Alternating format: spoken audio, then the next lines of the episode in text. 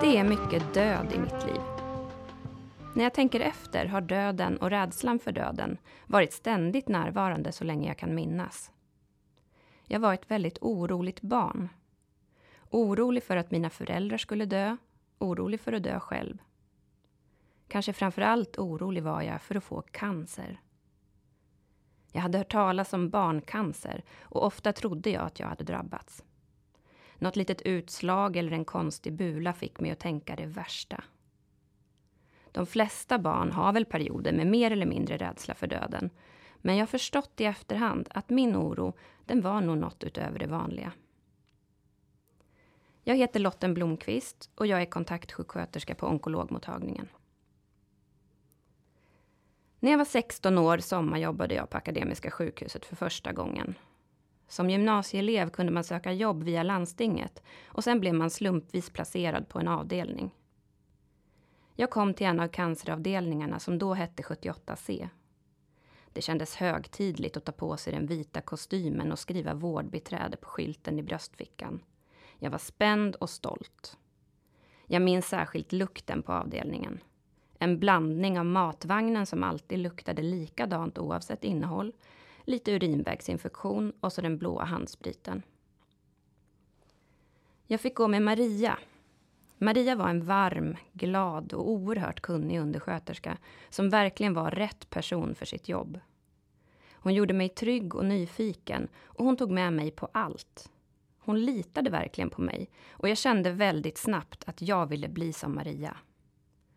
Jag var fascinerad över hennes orädsla, hennes mjuka och respektfulla sätt att möta de sjuka. Allt på bredaste dalmål och med pigga, glada ögon som såg varenda person. Jag kände hur jag själv drogs till de allra mest sjuka patienterna med en skräckblandad fascination.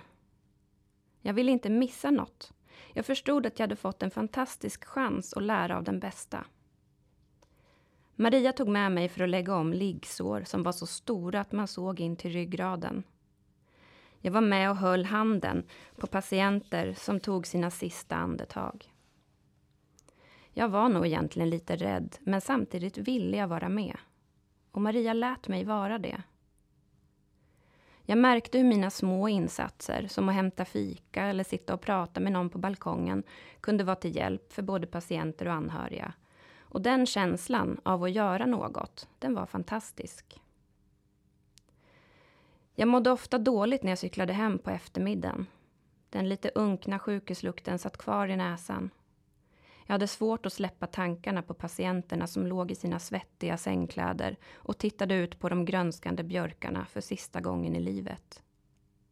Jag tänkte på de alldeles för unga mammorna som skulle tvingas säga hej då till sina barn för alltid. Jag kunde inte ta in att de låg där i sjukhussalen och skulle dö. Det var ju sommar. Jag skulle ha sommarlov efter mina tre veckor på onkologen och jag planerade vad jag skulle köpa för min allra första lön. Och de skulle dö. Det var en konstig sommar, vemodig och overklig. Jag visste det inte då, men den sommaren skulle bli avgörande. Jag hade mitt i all sorg och allt elände skärmats av onkologin. När jag var 18 år förlorade jag min storebror Anders. Han hade varit psykiskt sjuk under många år och min familj var liksom vana vid att leva i en ständig oro i bakgrunden.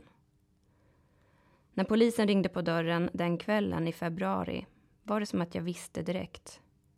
Jag hade vant mig vid att alltid ligga steget före. Jag hade tänkt det värsta så många gånger för att slippa den värsta chocken när det väl skulle hända. Det var bara jag och mamma hemma den kvällen. Pappa var i huset i Värmland. Jag såg på mamma att hon, hon hade inte hunnit lika långt i sina tankar. Hon, hon hade inte förstått. Det handlade inte ens om sekunder innan jag var beredd att ta hand om mammas reaktion. Jag kopplade på en stabil roll på något sätt. Jag höll om mamma hårt medan polisen berättade. Jag kunde på något konstigt sätt skjuta bort min egen panik och bara koncentrera mig på mamma. Jag minns att jag var rädd att hon skulle dö av chocken. Kan man dö av plötslig sorg och chock? Jag planerade i huvudet hur vi skulle berätta för pappa som var alldeles ensam i huset i Värmland. Jag ringde dit vänner som skulle vara hos honom när han fick beskedet. Jag funderade ut hur jag skulle kunna vara stark och trygg för lilla Anton, Anders son, som bara var 11 år när det hände. Min älskade lilla brorson. När det värsta tänkbara drabbar oss tappar vi fotfästet. Hela min uppväxt hade jag varit beredd på att tappa fotfästet på ett eller annat sätt. Jag hade varit beredd på att bli överraskad av det värsta. Och nu hade det hänt. Det var aldrig självklart för mig att bli sjuksköterska. Jag hade kommit in på lärarprogrammet och jag identifierade mig nog mer med lärare. Jag var ju lite estetisk och kulturell tyckte jag. Sjuksköterskor var väl ganska tråkiga personer. Men så hade jag en kompis som jag såg upp till. Hon hade just börjat plugga till sjuksköterska, men med siktet inställt på att bli barnmorska. Det lät ju onekligen häftigt, barnmorska. Ett härligt och respekterat yrke. Det är ju det finaste man kan göra, ta emot nya små människor när de kommer till världen. Jag hoppade på sjuksköterskeprogrammet med samma plan som min kompis. När sjuksköterskeexamen närmade sig sökte jag mig självmant till onkologen. Jag hade inte glömt sommaren med Maria på 78C. Nu ville jag tillbaka. Bara något år tänkte jag innan jag pluggade vidare och blev barnmorska. Och så blev det. Jag jobbade något år och trivdes egentligen väldigt bra. Men sen kom jag in på barnmorskeprogrammet. Att läsa till barnmorska var ju såklart något helt annat än det jag tidigare gjort. Det var roligt, spännande och nytt. Efter en termin kände jag däremot att det var något som saknades. Jag skulle inte få följa mina patienter genom långa behandlingar och finnas där vid deras sida när de fick besked att sjukdomen hade växt. Jag skulle bara vara med vid ett ögonblick. Om än ett fantastiskt ögonblick när ett barn kom till världen. Men ändå kort.